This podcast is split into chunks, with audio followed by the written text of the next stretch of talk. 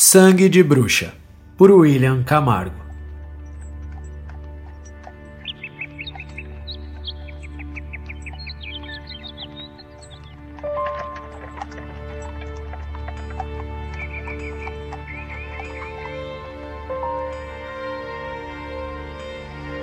Irlanda, vilarejo de Limerick, 1802.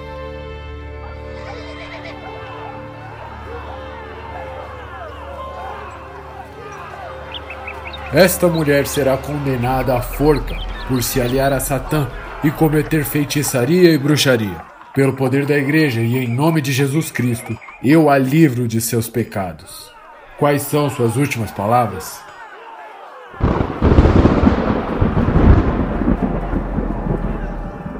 Ruas estremecem perante nós duas. Aldeão camponês mal feito fez. Os rios e lagos escurecem aos tragos. Reis e rainhas se tornam mesquinhas. Do sangue das jovens antigos se movem sem vida atrevida. A bruxa revida. Enforquem-na! 好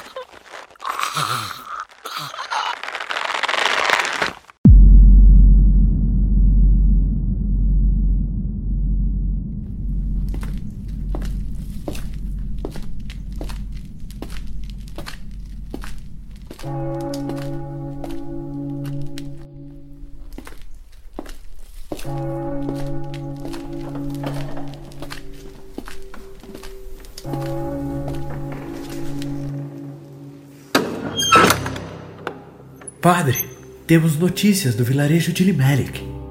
O que aconteceu? Há alguns meses, uma mulher foi acusada de bruxaria e posta na forca para aliviar o mundo de seus pecados. Mas alguns dias se passaram e uma praga acometeu o vilarejo.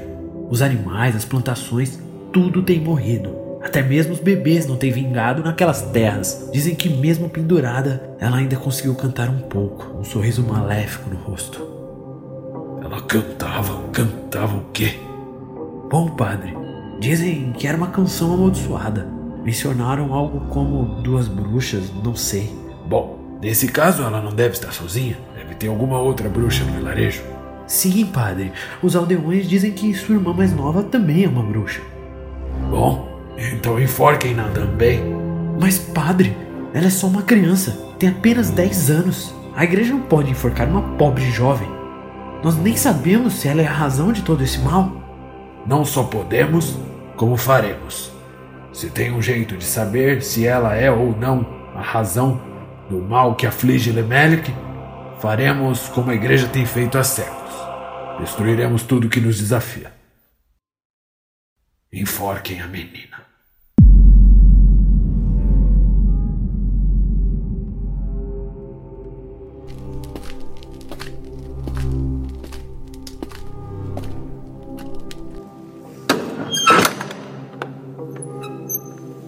Padre, padre, alguns aldeões trouxeram mais notícias do vilarejo de Limelic.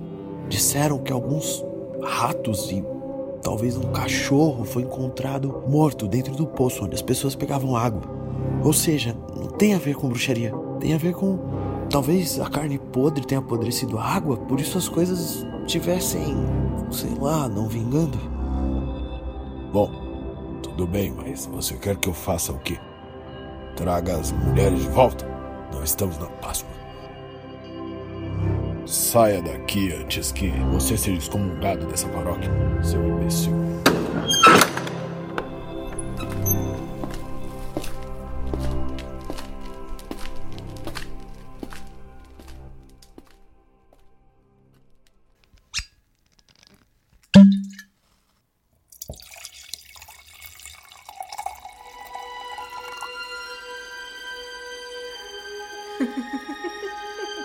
que foi isso? Que barulho é esse? Quem está aí? Não, não, não, por favor, não, não, não. As ruas Os estremecem perante nós duas Aldeão camponês mal feito fez Os rios iluminados escurecem aos tragos Reis e rainhas se tornam mesquinhas do sangue das jovens antigos se movem sem vida atrevida a bruxa.